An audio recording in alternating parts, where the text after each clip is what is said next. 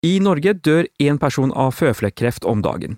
Likevel strømmer folk til solarium og satser i teorien livet sitt for litt ekstra brunfarge. For faktisk kan bare ett besøk hos eh, solarium ha fatale konsekvenser for deg. I dag skal jeg gi deg fem fakta du bør vite om solarium, og hvilken påvirkning det har på deg og huden din.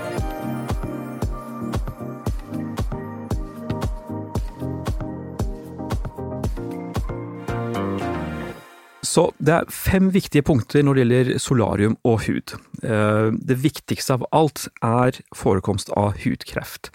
Og da snakker jeg om alvorlig form for hudkreft, nemlig melanom, eller føflekkreft som det kalles.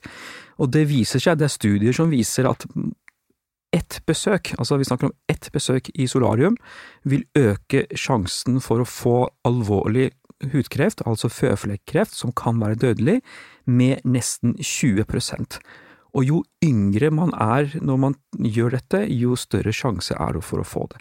Eh, det vil også øke sjansen for mindre alvorlige eh, former for hudkreft med nesten 30 til 70 Det er helt voldsomme tall. Punkt nummer to eh, er nemlig rynker. Vi vet i dag at UV-stråler vil faktisk gi både mer rynker og slapp hud, og det som skjer, er at disse UV-strålene bryter ned kollagen og elastin, som er hovedbestanddeler i huden, som gir eh, stramhet i huden, gir glatt hud, og når disse blir mindre, så vil det føre til at man får mer rynker og slapp hud.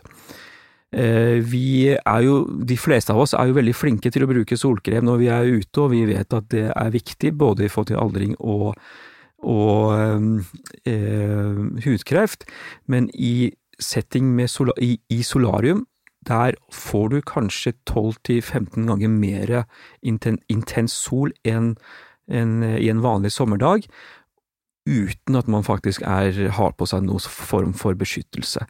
Uh, med dette mener jeg ikke at man skal ta på seg solkrem og legge seg i solarium, men det er bare en slags sammenligning. Punkt nummer tre er uh, det som kalles for base tan. Det vil si, mange har den oppfatningen at hvis de tar solarium før de skal til Syden, så vil de herde huden, det vil si at de vil beskytte huden mer mot UV-stråler. Og det viser seg også at det ikke stemmer. Så eh, du blir ikke mer beskyttet hvis du har tatt solarium før du reiser til Syden. Eh, derimot så blir du faktisk eh, mer utsatt for UV-stråler, og dermed også mer utsatt for hudkreft.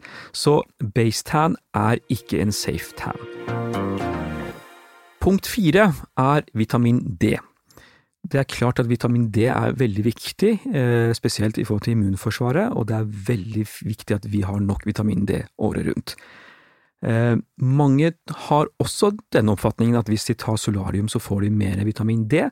Det stemmer heller ikke. Eh, hoveddelen av eh, strålene i eh, solarium er UVA, som ikke gir vitamin D-produksjon. Eh, det er en liten bestanddel som er eh, UVB, som er den formen for UV-stråler som gir vitamin D-produksjon. Men å risikere dette, risikere å få hudkreft for å få vitamin D, er ikke riktig. Man kan få i seg vitamin D på andre måter, nemlig både i form av tilskudd eller i kosten. Punkt nummer fem er avhengighet, og det er veldig interessant, fordi det, har, det viser seg at eh, ca.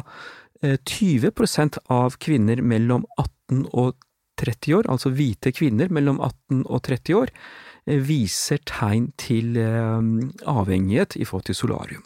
Og grunnen til at dette er ganske uheldig, har du hørt på de fire første punktene som er nevnt eh, i denne podkasten. Så jeg håper dette var nyttige punkter med tanke på solarium og hud.